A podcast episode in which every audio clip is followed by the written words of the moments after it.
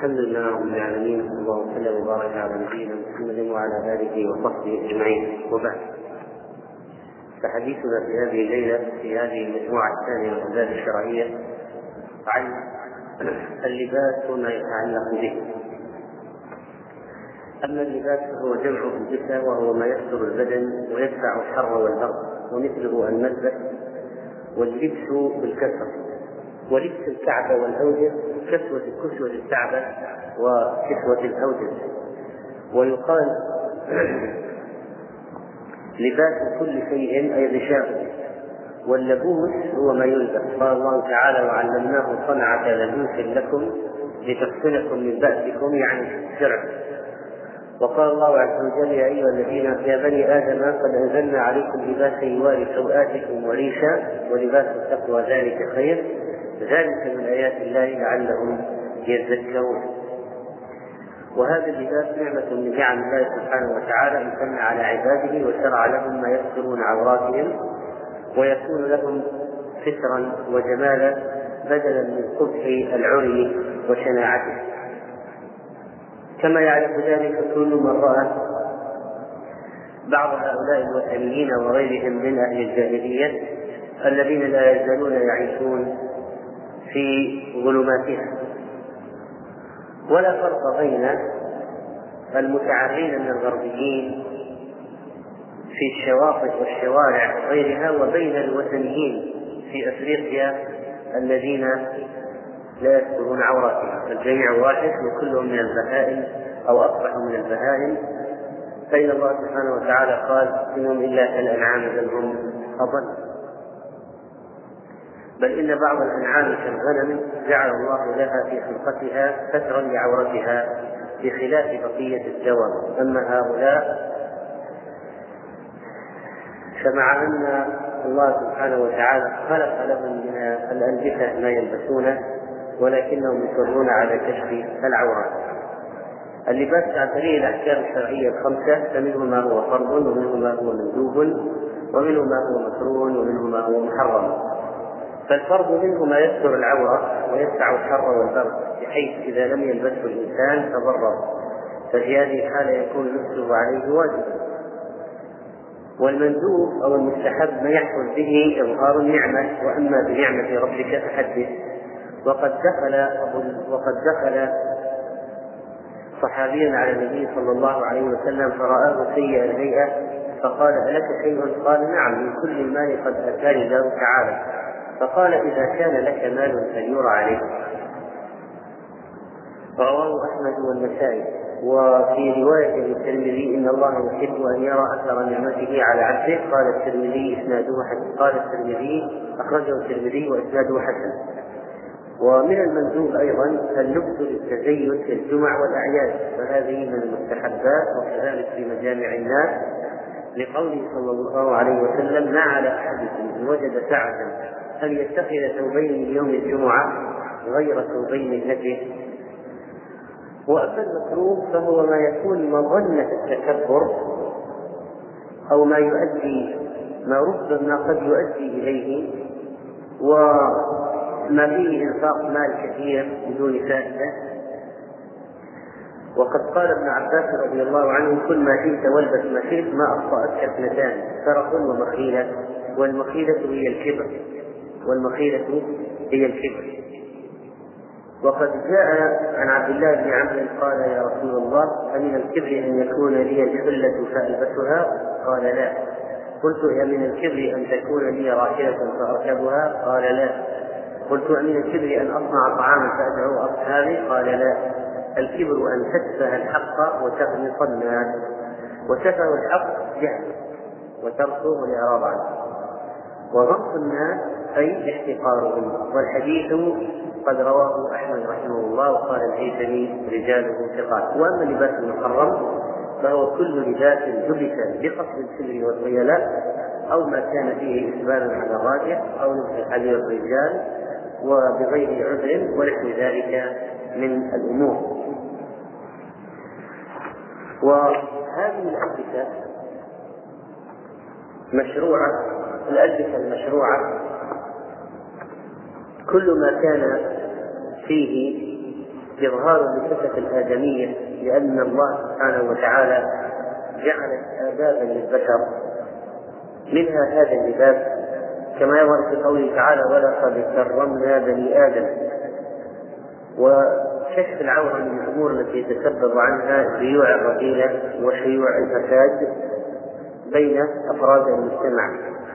واحترام آدمية الإنسان وتمييزه عن البهائم تتجلى في خلق هذا اللباس الذي جعله الله سبحانه وتعالى له. وكان من وكان من النعم التي لا تعد ولا تحصى وكذلك فإن الألبسة في الشريعة تخضع في أحكامها لذواتها بحسب المصنوع منه. فجلود الميتة مثلا وما لا يزكى إذا دبر طهرت عند بعض العلماء وحل لبسها وعند بعضهم لا تطهر وأما الأشياء المصنوعة من الخنزير وغيره فإن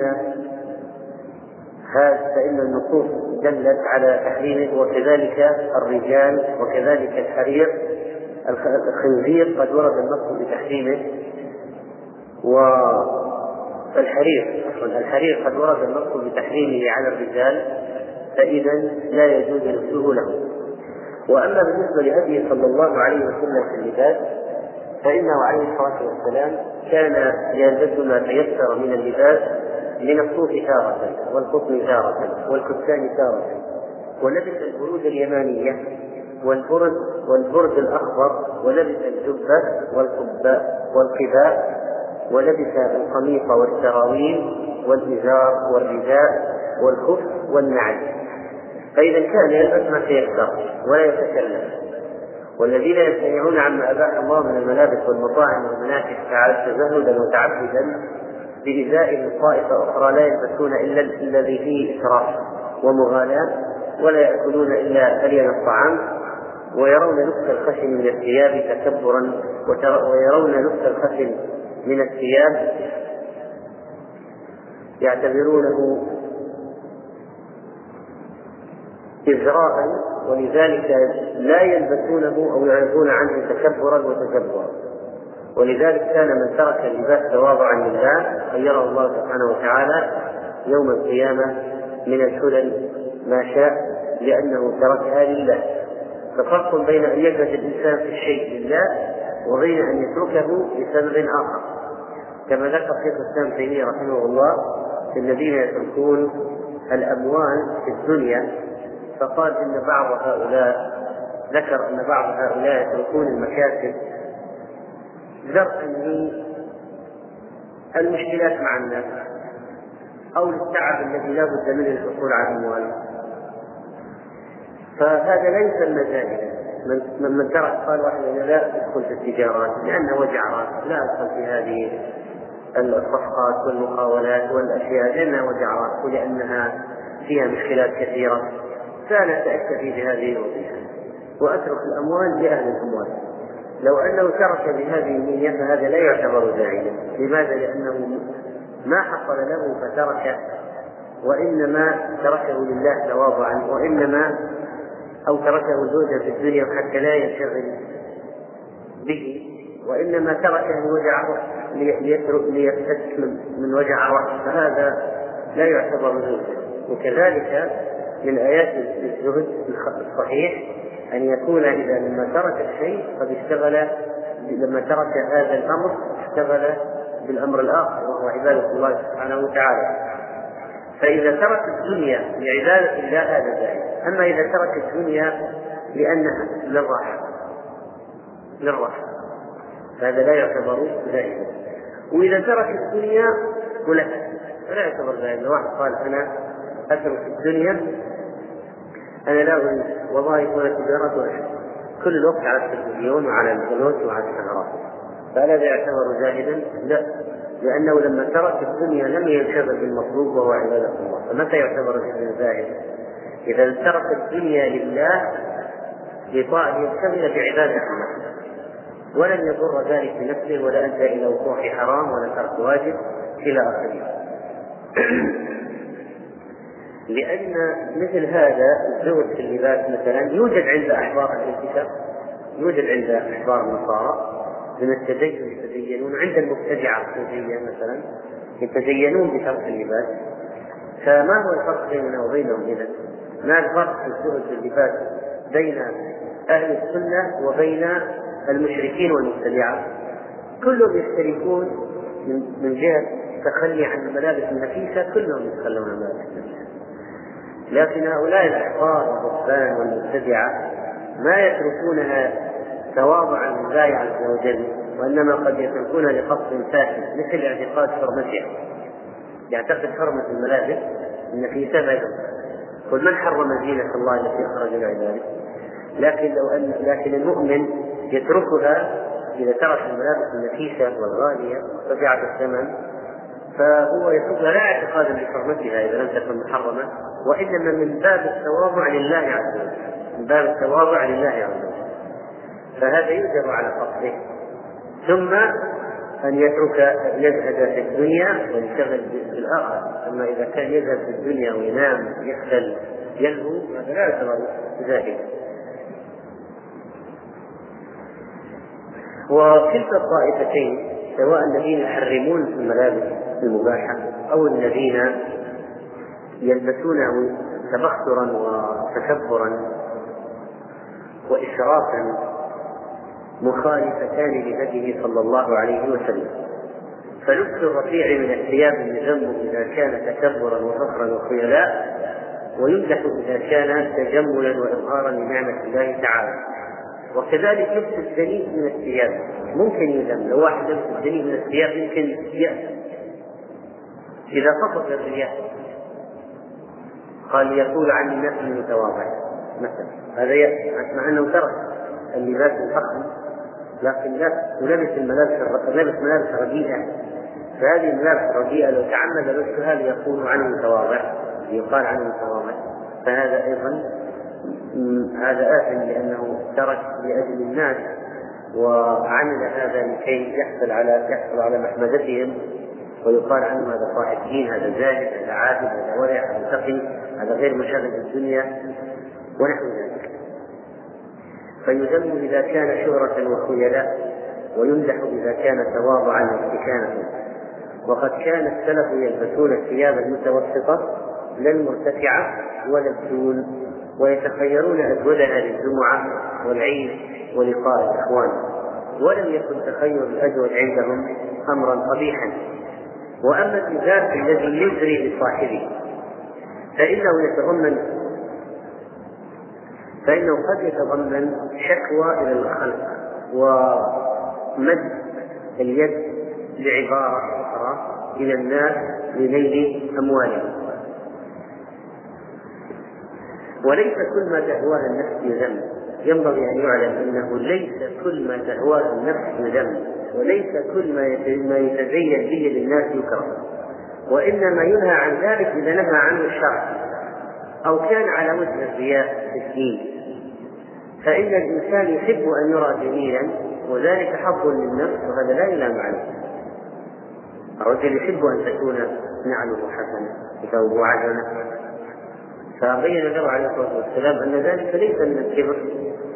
وقد كان بعض الصوفية لبسوا الصوف من باب الخشونة وأعتقد بعضهم تحريم لبس الناعم من الثياب وتعبدوا بلبس الصوف مع أنه ليس في الإسلام تعبد بلبس الصوف لكن هؤلاء تعبدوا بلبس الصوف بل قال بعضهم إن الصوفية سموا بذلك لأنهم لبسوا الصوف والصوف يعلم طبعا أن الصوف تكون له رائحة كريهة العرق ولبسوه حتى في الصيف. وهذا طبعا ليس من الدين ليس من الدين في شيء. قال الشوكاني رحمه الله الأعمال بالنيات فلبس المنخفض من الثياب تواضعا وكسرا لثورة النفس. يعني واحد رأى نفسه فيها كبر. فلبس ثوبا تواضعا ليكسر كبر نفسه. أو يمنعنا من التكبر إذا لبس الثياب غالية الثمن. هذا من المقاصد الصالحة الموجبة للمثوبة من الله. ولبس الغالي من الثياب. عند الأمن على النفس من التسامي المشوب بنوع من التكبر. إذا لبس هذه الأشياء لبس الغالي من الثياب وهو يأمن على نفسه من الكبر وليس له في ذلك قصد كبر وكان اللباس مباحا شرعا فإنه لا بأس بل إنه يتطلبه الوضع أحيانا. فالنبي عليه الصلاة والسلام كان له حلة يتجمل بها للوفود استقبال الناس يأتيه زعماء قبائل ناس من كبار القوم معظمين عند أقوامهم. يأتيه من هؤلاء فهنا يحسن ويحسن لباسه من أجل لقائه. وإذا عرفنا هذا فينبغي إذا أن نعلم بأن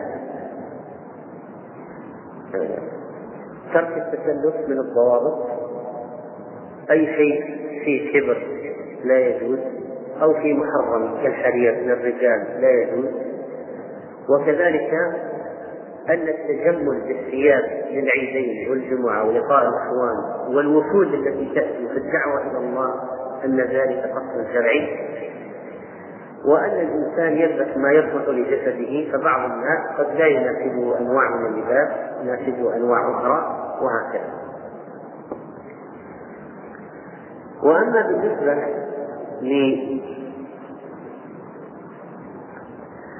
للألبسة من حيث ألوانها وأشكالها وصفاتها ومناسبتها لعادات الناس فإنها تعترف فمن حيث الألوان اتفق الفقهاء على استحباب لبس ما كان أبيض اللون من الثياب وتكفين الموتى به. لحديث سمرة بن جندب قال رسول الله صلى الله عليه وسلم البسوا من ثيابكم البياض فإنها أطهر وأطيب وكفنوا فيها موتاكم. أخرجه النسائي والصحابة بن حجر رحمه الله. إذا لبس البياض سنة يؤجر عليها الإنسان. إذا قصد تطبيق السنة. لأنه قال البسوا البياض فلبسه إذا سنة. وقال في تعليل ذلك فإنها أطهر وأطيب. ربما يظهر فيها الشيء أي نجاسة أو شيء من هذا القبيل تظهر بسرعة. وأدنى شيء يقع عليه يظهر فيسارع ليكون نقيا. ألم ترى أنه عليه الصلاة والسلام قال في دعائه ونقص من الذنوب والخطايا كما ينقى الثوب الأبيض من الدنس فهذا الثوب الأبيض للأحياء والأموات أيضا كما دل عليه قوله وكفنوا فيها موتاكم. ولبس جماعة من الصحابة ثيابا غير بيضاء كما لبس ذلك النبي عليه الصلاة والسلام لبيان أن الثوب أن لبس الأبيض ليس بواجب ولو قال البسوا من ثيابكم البياض. فما الذي صرف عن الوجوب أنه عليه الصلاة والسلام لبس ملابس أخرى ليست بيضاء. وحتى الكفن يجوز أن يكون ببياض خالطه لون آخر كما جاء في حديث إذا توفي أحدكم فوجد شيئا فليكفن في ثوب حبرة. قال ابن حجر رحمه الله إسناده حسن. وحبرة كعنبة في الوزن برود يمانية من الكتان أو القطن سميت حبرة لأنها محبرة أي مزين لأن التحذير هو التحسين والتزيين. والتخطيط إذا كانت مخططة بنوع آخر فلا بأس بذلك. وقد لبس النبي صلى الله عليه وسلم ثوب الحبرة بل إن أنس رضي الله عنه قال كان أحب الثياب إلى رسول الله صلى الله عليه وسلم أن يلبسها الحبرة. وإذا كانت هي أحب الثياب النبي صلى الله عليه وسلم فلأن فيها ليس فيها كثير زينة. مخصص ليس فيه كثير زينة. وكذلك قد يحتمل الوسخ وأما بالنسبة للبس الثوب الأسود فإنه جائز بغير كراهة للرجل والمرأة إلا إذا قصد به معنى المبتدع كما تلبسه النساء في العدة إحدادا على وفاة الزوج. فإذا تقصد لبس الأسود إحدادا على الزوج وإظهارا للحزن فهذه بدعة لأنها خصت هذا اللون وقصدت به قصدا لم ترد به الشريعة. وقد خرج النبي صلى الله عليه وسلم ذات غداة وعليه مرق مرحل من شعر أسود. رواه مسلم رحمه الله. وعن جابر رضي الله عنه قال رأيت رسول الله صلى الله عليه وسلم دخل يوم فتح مكة وعليه عمامة سوداء. رواه مسلم. وعن عائشة رضي الله عنها قالت صنعت لرسول الله صلى الله عليه وسلم بردة سوداء فلبسها فلما عرق فيها وجد ريح الصوف فقذفها وكانت تعجبه الرائحة الريح الطيب. رواه أبو داود وإسناده صحيح. وعن أم خالد رضي الله عنها قالت أتي النبي صلى الله عليه وسلم بثياب فيها خميصه سوداء. فقال من ترون نفس هذه؟ الخميصه فأسكت القوم فأسكت القوم فقال ائتوني بأم خالد. فأتي به إلى النبي صلى الله عليه وسلم. كانت بنتا صغيرة. وكان من عادتهم تكنية الصغار ومن فوائد ذلك أن يحس الولد بالمسؤولية ويسارع إليه النضج من السن المبكرة. فألبسنيها بيدي وقال أدلي وأخلقي أدلي وأخلقي. مرتين وجعل ينظر إلى علم الخليفة ويشير بيده إلي ويقول يا أم خالد هذا ثناء هذا ثناء. والثناء بلسان الحبشة هو الحسن والحديث رواه البخاري. وهذا فيه دليل على جواز لبس الأسود للمرأة ولا خلاف في ذلك عند العلماء كما ذكر الشوكاني رحمه الله تعالى. أما بالنسبة للثوب الأصفر فإنه قد اتفق على لبسه أيضا ما لم يكن معصفرا أو مزعفرا وقد قال عمران بن مسلم رأيت على أنس بن مالك إزارا أصفر.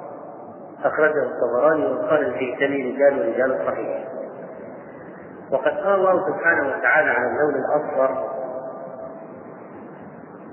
ادع لنا ربك يبين لنا ما لونها. قال إنها بقرة صفراء فاقع لونها تسر الناظرين.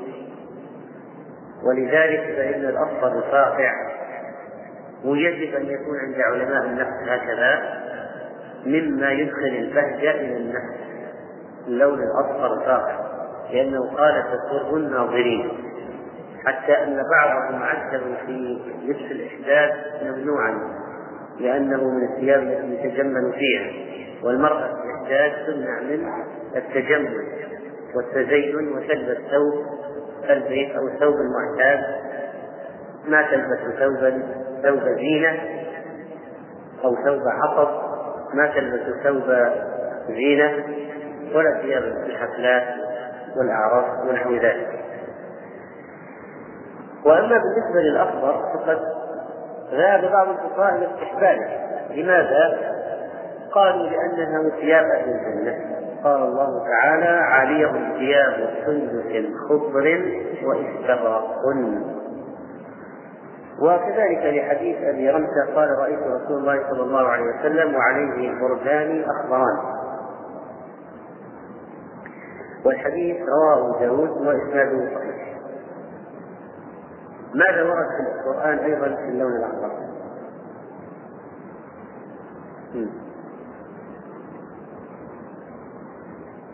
ماذا ورد في اللون الأخضر؟ هذه اللي قلنا قبل ها؟ في سنبلات خضر؟ سبعة سنبلات ها؟ ما في سنبلات طيب نعم. إيه هذا الشجر الأخضر لكن أقصد الثياب اللون الأخضر. ها؟ نعم. ما مالك ترفع. خضر وعبقرية إذا. طيب. أما بالنسبة للمخطط فقد تقدم بأن لبس المخطط لا بأس به ولبس النبي صلى الله عليه وسلم ثياب الحبرة وأنه عليه الصلاة والسلام كان يحب لبسها كان يحب لبسها ماذا لبس النبي صلى الله عليه وسلم من التلبسة؟ لقد لبس النبي عليه الصلاة والسلام من التلبسة آه، ملابس متعددة فمن ذلك أنه عليه الصلاة والسلام لبس العمامة مثلا. ولبس العمامة.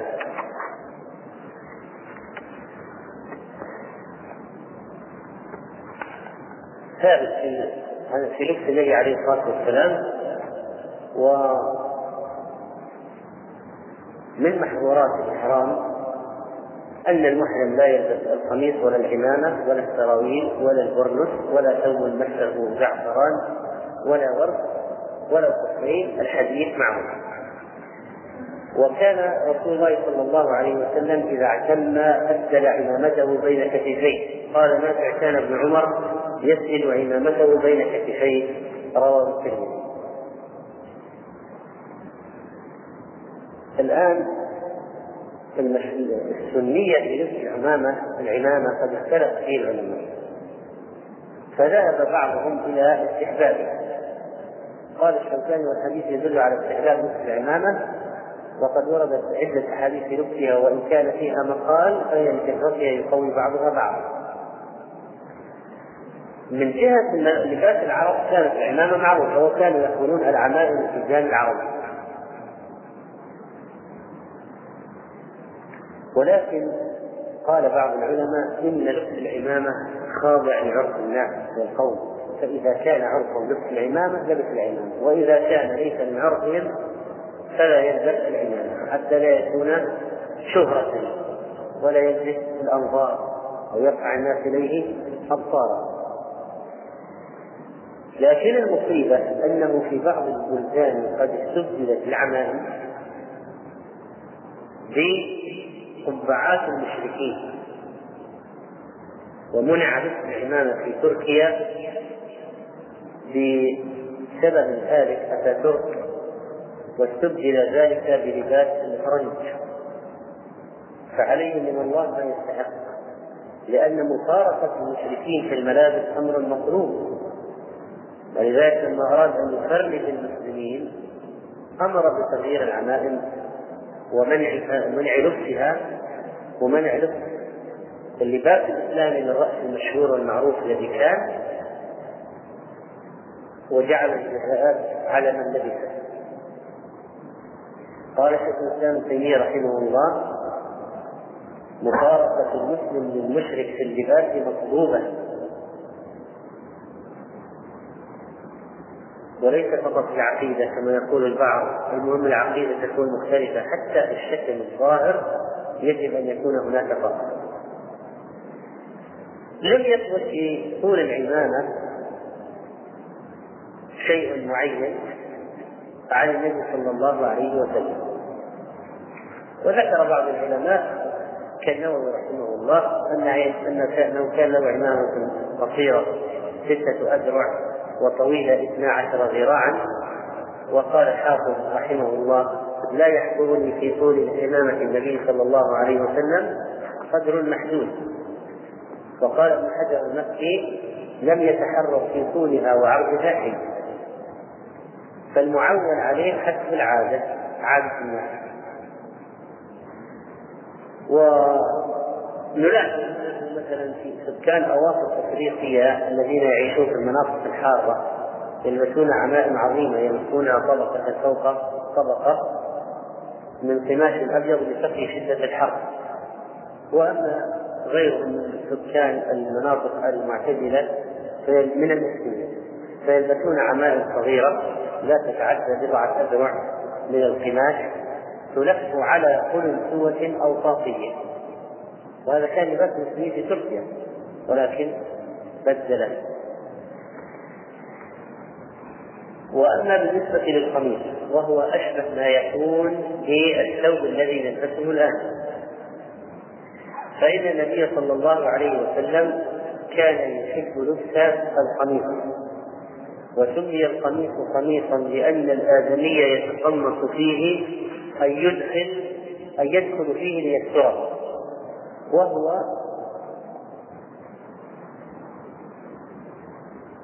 مخيط له كمان وجيب الكمان معروفة والجيب فتحة الرقبة من الثوب التي تكون في صدره التي تكون في صدر الثوب عادة. هذا هو الجيب وقد جاء عن أم سلمة رضي الله عنها أنها قالت كان أحب الثياب إلى رسول الله صلى الله عليه وسلم القميص.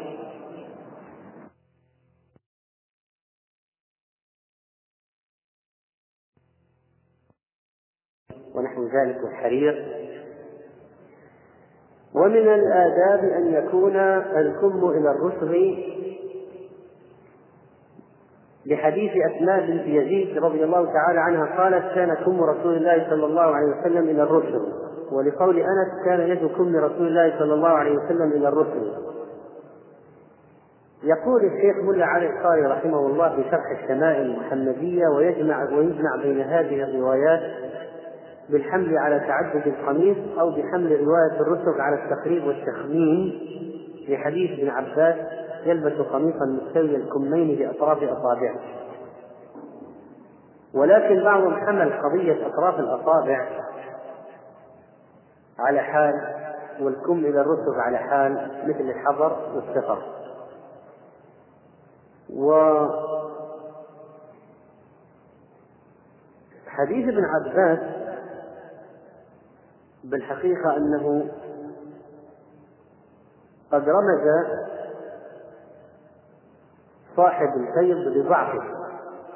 فإذا كان ضعيفا فنبقى على الرسل لأنه هو الذي ثبت كما في سنن الترمذي طيب الآن هناك بعض الناس ثيابهم أو أكمامهم وسيعة جدا. فما هو القول في هذه السعة؟ المبالغة في سعة الكم وطوله. أن يكون طويلا وواسعا. غير محمودة لأنها تنافي الاعتدال الذي يليق بالمسلم. فيقول ابن القيم رحمه الله بزاد المعاد وأما هذه الأكمام الواسعة الطوال التي هي كالأخراج والعمائم كالأبراج الأكمام كالأخراج فقد فلم يلبسها النبي صلى الله عليه وسلم ولا أحد من أصحابه يلبسها وهي مخالفة لسنته. وفي جوازها نظر فإنها من جنس الخيلاء. من جنس الخيلاء سحب الثوب وتوسعة الكم جدا ورفع العمامة جدا فيه قضية لفت النظر ويكون الخيلاء من الأسفل والأعلى وفي الكم يمكن أن يكون. وقال ابن الحاج رحمه الله في كتاب المدخل ولا يخفى على ذوي البصيرة أن كم بعض من ينسب إلى العلم اليوم فيه إضاعة مال لأنه قد يفصل من هذا الكم ثوب لغيره. يعني جاءت فترة بعض المنتسبين للعلم صار أكمام يقول هذا الكم فصل ثوب كما قال في الميل ميل الأوصار لقد صار أشهر الناس بمخالفة هذه السنة في زماننا الذين ينتسبون إلى العلم فيرى أحدهم وقد جعل لقميصه كمين يعني القميص يعني الثوب. يصلح كل واحد منهما أن يكون جبة أو قميصا لصغير من أولاده أو يتيم وليس في ذلك شيء من فائدة دنيوية يعني هل سيضع في مثلا؟ هل سيضع في شيء مثلا؟ فيقول وليس في ذلك شيء من الفائدة الدنيوية إلا العبث وتكفين المؤونة على النفس وتعريض الكم لسرعة التمزق وتشويه العين. وليس فيه من الأشياء الدينية إلا مخالفة السنة والإسبال والسرف والخيلاء وقال الحافظ بن حجر رحمه الله في فتح الباري في مسألة هل يدخل في الزجر عن جر الثوب تطويل أكمام القميص؟ الأحاديث الواردة في ذم الإسبال يدخل فيها تطويل أكمام القميص؟ قال محل نظر والذي يظهر أن من أطالها حتى خرج عن العادة كما يفعله بعض الحجازيين دخل في ذلك طبعا هذا في زمانه الآن بالعكس صار الأسنان في الحجاز ترى على الرسل مزروعة في الغالب. قال شيخنا في شرح الترمذي ما مس الأرض منها خيلاء لا شك في تحريمه يعني إذا وصلت هذا الكم إلى الأرض هذا يقول لا شك في تحريمه قال ولو قيل بتحريم ما زاد على المعتاد لم يكن بعيدا. ما زاد على المعتاد لم يكن بعيدا. ولكن حدث للناس اصطلاح بتطويلها وصار لكل نوع من الناس شعار يعرفون به. ومهما كان من ذلك على سبيل الخيلاء فلا شك في تحريمه. وما كان على طريق العادة فلا تحريم فيه ما لم يصل إلى الجر الزين الممنوع. ونقل عياض عن العلماء كراهة كل ما زاد عن العادة وعن المعتاد باللباس من الطول والسعة. وهذا يعني قضية التوسط التي سبقت الإشارة إليها. أما مسألة حد الإزار وأنه يكون إلى أنصاف الساقين فإلى الكعبين ولا يجاوز الكعبين وأن الزيادة عن الكعبين تعتبر إسبالا داخلا في الوعيد. سواء كان بخيلاء أو بغير خيلاء على التحقيق ولكن من جره خيلاء يكون أشد في الإثم والعذاب. لماذا؟ لأنه عليه الصلاة والسلام قال من جر ثوبه خيلاء لم ينظر الله إليه. هذا عذاب عظيم جدا هذا له عذاب عظيم الذي لا ينظر الله إليه أو لا يكلمه ويعرض عنه ويغضب عليه. هذا عذاب عظيم جدا. من جر ثوبه خيلاء لم ينظر الله إليه. طيب قال في الحديث في أوله ما أسفل الكعبين من الإزار ففي النار. ومن جر ثوبه خيلاء لم ينظر الله إليه فذكر عملين عملين مستقلين ورتب عليهما جزائين مستقلين. ما تحت الكعبين من الإزار ففي النار. ومن جر ثوبه خيلاء لم ينظر الله إليه فإذا عندنا عملان مستقلة منفصلان. لهما عقوبتان مستقلتان. من جر ما تحت الكعبين من الإزار ففي النار ما جاوز الكعب من الإزار فالله يحرقه بالنار يحرق الجلد الذي نزل عليه الثوب. إذا نزل تحت الكعب إصبع يحرق الإصبع. إذا نزل إصبعين يحرق الإصبعين. داخل في الوعيد. قال ما تحت الكعبين من الإزار ففي النار. ما هو القماش؟ وإنما جلد اللابس. ومن جر ثوبه خيلاء هذا عمل آخر هذا دخل في عذاب آخر أعظم مهدد بقوله لم ينظر الله إليه ومن جر ثوبه الخيلاء لم ينظر الله إليه فإذا ينبغي الاعتناء بعدم نزول الثوب عن الكعبين. بعدم نزول الثوب عن الكعبين. هو الآن طبعا من المصائب العظيمة التي ابتلينا بها أن الرجال يلبسون الثياب تجري على الأرض ريولها ويتركون الحبل على الغالب من النساء فيقصرن الثياب ويكشفن الرؤوس والنحور والصدور. ويسرن في الطرقات متعطرات متبرجات متهتكات كاسيات عاريات مائلات مميلات. يبدين زينتهن ويظهرن أطرافهن على مرأى ومشهد من القريب والبعيد. من قاله صاحب كتاب الدين الخالص.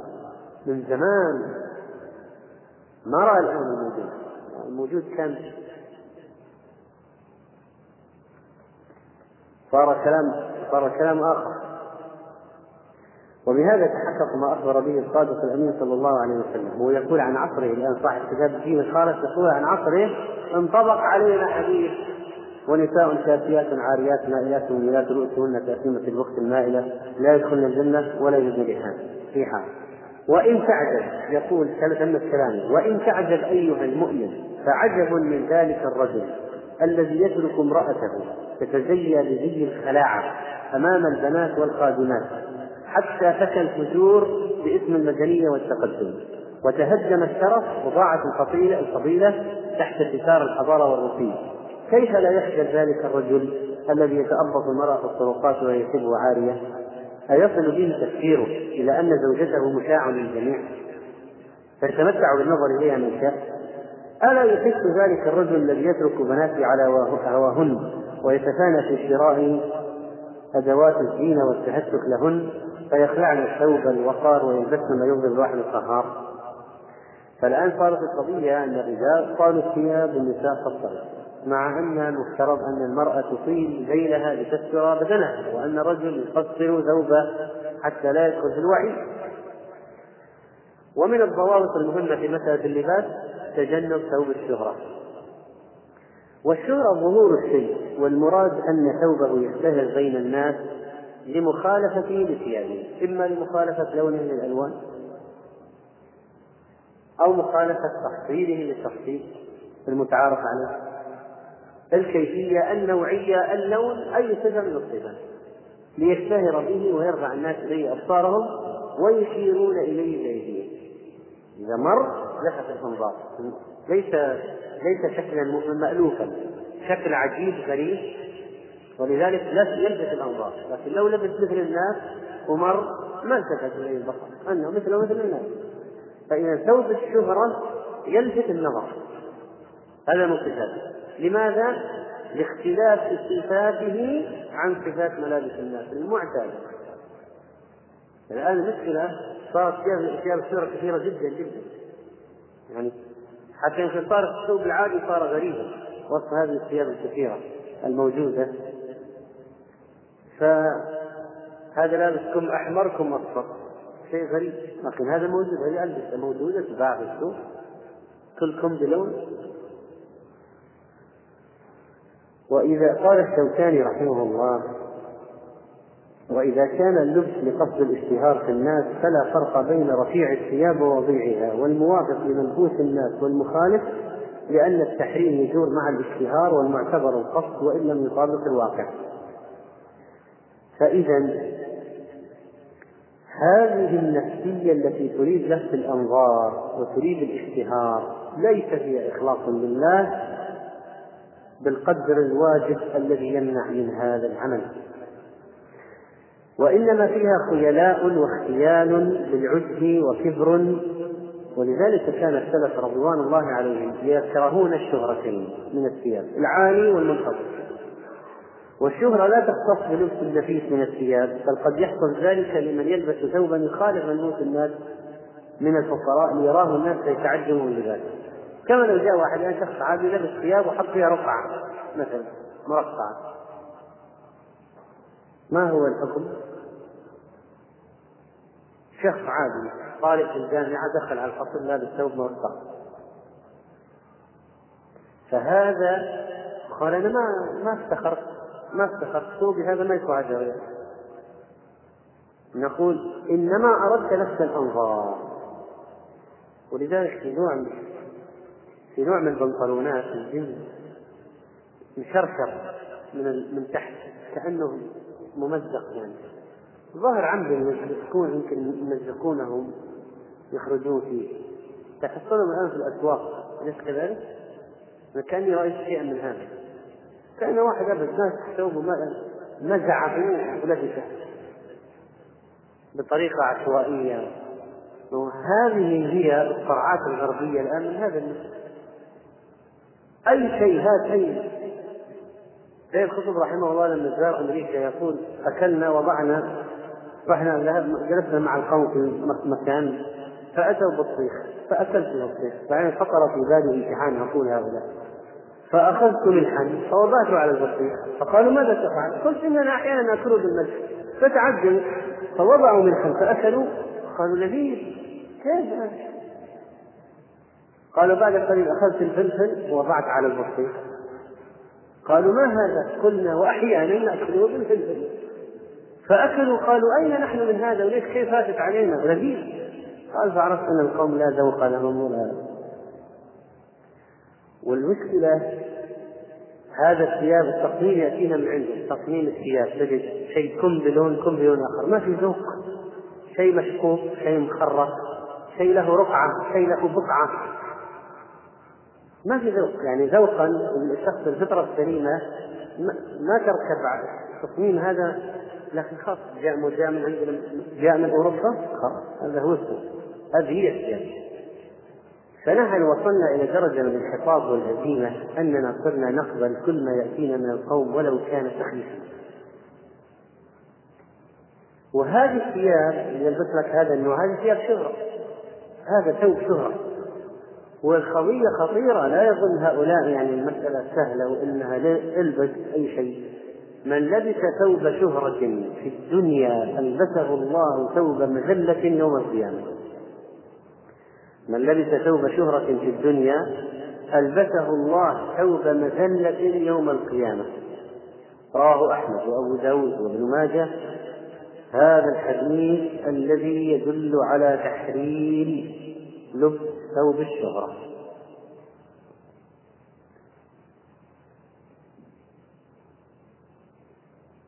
والجزاء من جنس العمل. ألبسه الله ثوب مذلة يوم القيامة؟ فمن أراد أن يلفت الأنظار بثيابه يذله الله في الآخرة.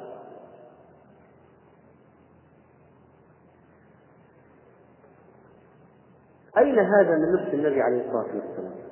كان يلبس ما تيسر لبسه من الثياب على حسب العادة الموجودة بين القوم الذين عاش فيهم بحسب مصلحة الجسد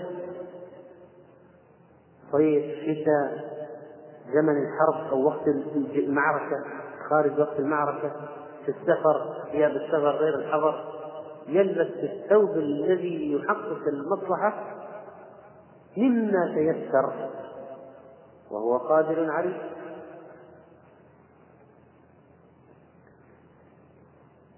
وقد شن العلماء الحملات على الصوفية الذين زعموا بأن لبس الصوف عبادة ولبس المزهري أيضا والمرقع هذا لحد ذاته قرب إلى الله ونحو ذلك. ومنهم ابن الجوزي رحمه الله في كتاب تلبيس إبليس في كتاب تلبيس إبليس عقد ابن الجوزي رحمه الله فصلا خاصا قال ذكر تلبيس إبليس على الصوفية في لباسهم ولما سمع أوائل القوم أن النبي صلى الله عليه وسلم كان يرقع ثوبه وأن عمر كان في ثوبه رقاع قاموا يفعلون ذلك مع أنه لم ليس عندهم الفقر الذي كان موجودا. وأما صوفية زماننا فإنهم يعمدون إلى ثوبين أو ثلاثة كل واحد منها على لون فيجعلوها خرقا ويلفقونها فيجمع ذلك الثوب الطيب الشهرة والشهوة. وبها يجتهد صاحبها أنه من الزهاد. أفتراهم يصيرون بصورة الرقاع كالسلف إن إبليس قد لبس عليهم قال ومن هؤلاء المذمومين من يلبس الصوف تحت الثياب ويلوح بكمه حتى يرى لباسه. وهذا لص ليلي. ومنهم من يلبس الثياب اللينة على جسده ثم يلبس الصوف فوقها. وهذا لص نهاري مكشوف. يعني يريد حرير يريد من تحت ملبس ناعم ثابت يعني زي الصوفية العباد الزهاد فيضع الصوف فوق. لبس على إبليس عليهم أنكم صوفية بنفيس النفس وإنما أرادوا أن يجمعوا بين رسوم التصوف وتنعم أهل الدنيا. الصوفية هذا شغلنا يبغى ياكل يبغى الزهد يبغى اللباس ناعم يبغى يضع هذا فوق هذا. ثم يقولون نحن نذهب ثم قال وإنما أكره لبس الفوط المرقعات بأربعة أوجه ثم ذكر هذه الأوجه. وفي الصوفية من يرقع المرقعة حتى تصير كثيفة خارجة عن الحد يرقع المرقعة وقد قرروا أن هذه المرقعة لا تلبس إلا من يد شيخ وجعلوا لها إسنادا متصلا. كله كذب. ولذلك قضية الخرقة الخضراء ولبسني شيخ الخرقة الخضراء هذا عاد بلغ المقام العظيم. ثم ساق الأحاديث في لبس ثوب الشهرة ورد على من ادعى أن لبس الصوف هو السنة. وقيل لبعض الصوفية تبيع جبتك الصوف.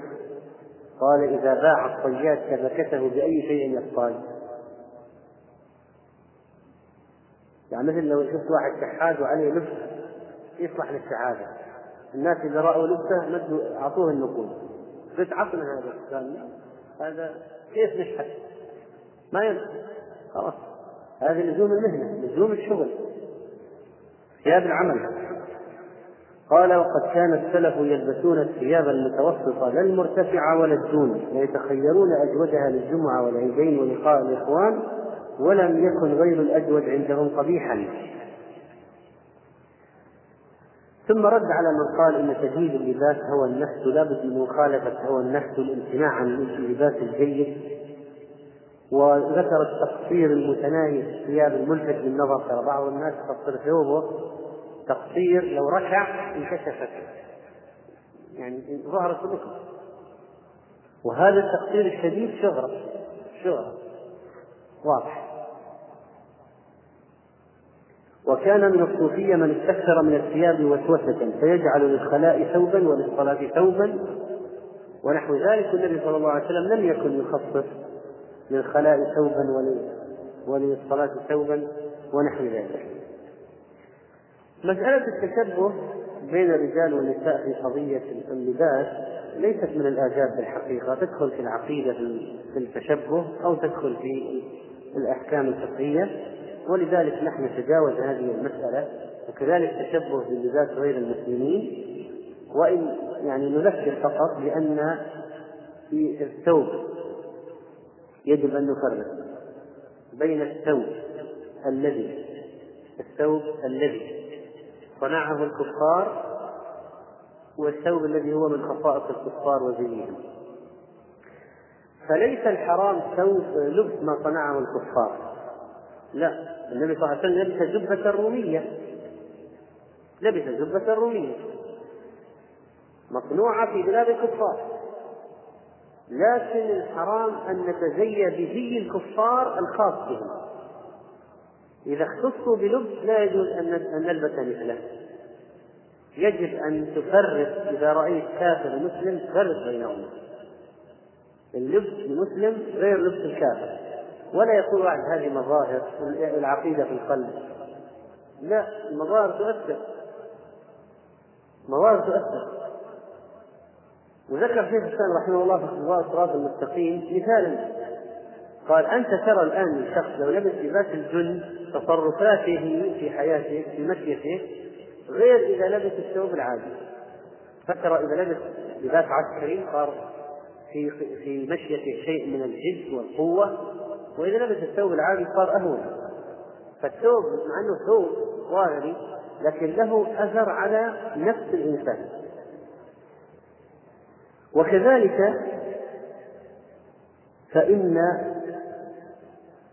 ما لبس من مما يناسب حرفة الإنسان أو مهنته كالجندي والبناء والفلاح والحمال فهذا لا يعتبر من التشبه بهم لأنه يلبس لباس يتناسب مع وضع العمل يعني مثلا الآن لو واحد قال أنا أريد أن ألعب رياضة أريد أن ألعب كرة القدم أو أجري أو أي أعمل أي عمل هل إذا لبست هذه الملابس الرياضية تعتبر متشبه بالكفار؟ نقول لا لأن طبيعة ممارسة الرياضة تقتضي ملبسا يناسب ذلك ما أنت تلبس بشت تلعب الرياضه فلا بد ان تلبس ملابس توافق أو تناسب هذا. فلو لبست ثياب رياضية ليس فيها محلول شرعي، ما فيها صور ذوات الأرواح ولا فيها صلبا ولا فيها وليست حريرا ولا مسبلة ولا هي حمراء خالصة. سنأتي على مسألة الثوب الأحمر. مثلا إذا لا بأس بذلك. لكن لو واحد قال أنا عندي التخرج أبغى ألبس لباس يلبسه الرهبان هذا لباس كنسي حتى هذه الطاقية أو هذا الطربوش الذي فيه سقف في أعلاه والبس هذا كامل. يقول هذا لباس كنسي هذا لباس نصارى واضح. لا يجوز لبسه. كذلك اليهود لهم لباس خاص. الهندوس لهم طريقة معينة في العمامة مثلا أو في اللباس أو ال ال ال السيخ السيخ. فإذا هؤلاء المشركون إذا كان لهم لباس صار علما عليهم واضحا علم عليهم خاص بهم فلا يجوز لمسلم أن يتشبه بهم فيه.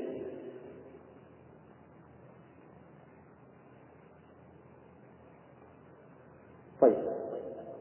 بالنسبة للثوب المصبوغ بالزعفران أو بالعصفر فقد ورد النهي عن الثوب المعصفر والمزعفر ولعل هذا غير منتشر كثيرا في هذه الأيام ننتقل الآن إلى قضية اللون الأحمر. لقد ورد في مسألة اللون الأحمر عدة أحاديث فمن ذلك حديث البراء بن عازب رضي الله عنه نهانا النبي صلى الله عليه وسلم عن المياسر الحمر وأن هذا الحديث رواه البخاري وأخرج أبو داود والترمذي أن النبي صلى الله عليه وسلم مر عليه رجل وعليه ثوبان أحمران فسلم عليه فلم يرد عليه. وكذلك ورد في المقابل حديث أخرجه الخمسة رواه البراء بن عازب أيضا أنه عليه الصلاة والسلام أنه رأى النبي صلى الله عليه وسلم في حلة حمراء لم أرى شيئا قط أحسن منه.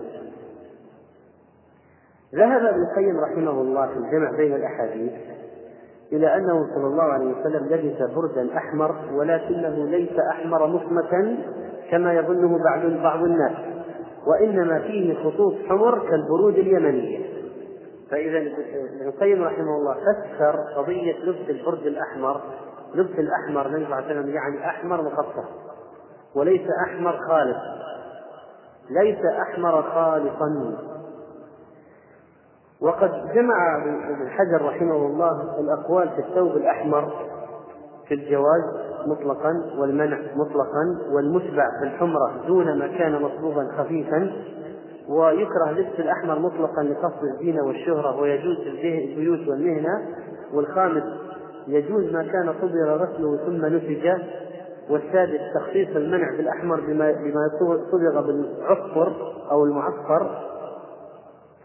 إلى آخره. والخلاصة التي يمكن أن نخرج بها أن الثوب إذا كان أحمر خالص لا يلبسه الرجل إذا كان أحمر مخلوط بألوان أخرى لا بأس به.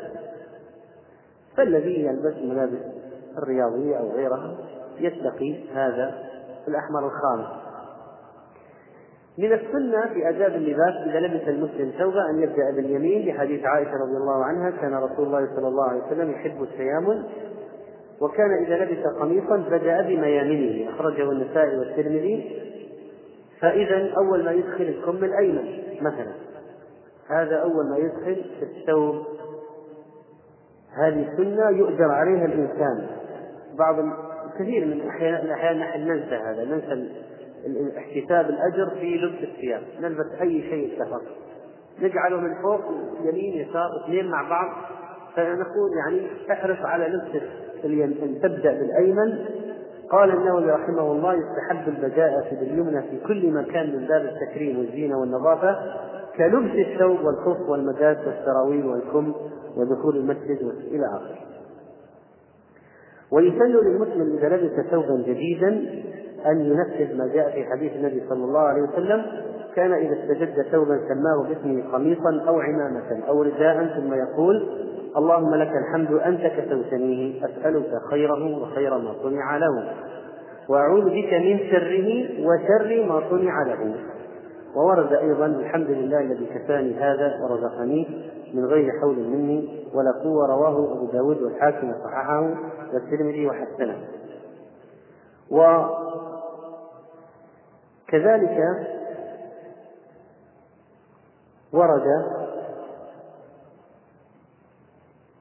ما يقال للآخر إذا لبس أبلي وأخلفي كما قال عليه الصلاة والسلام للصغيرة. وقال لعمر رضي الله عنه لما عرف أن ثوبه غسيل وليس بجديد البس جديدا وعد حميدا ومجتهدا ويرزقك الله قرة عين في الدنيا والآخرة. وكان أصحاب النبي صلى الله عليه وسلم إذا لبس أحدهم ثوبا جديدا قيل له تبلي ويخلف الله. تبلي ويخلف الله. نكتفي بهذا القدر ما يتعلق باللباس.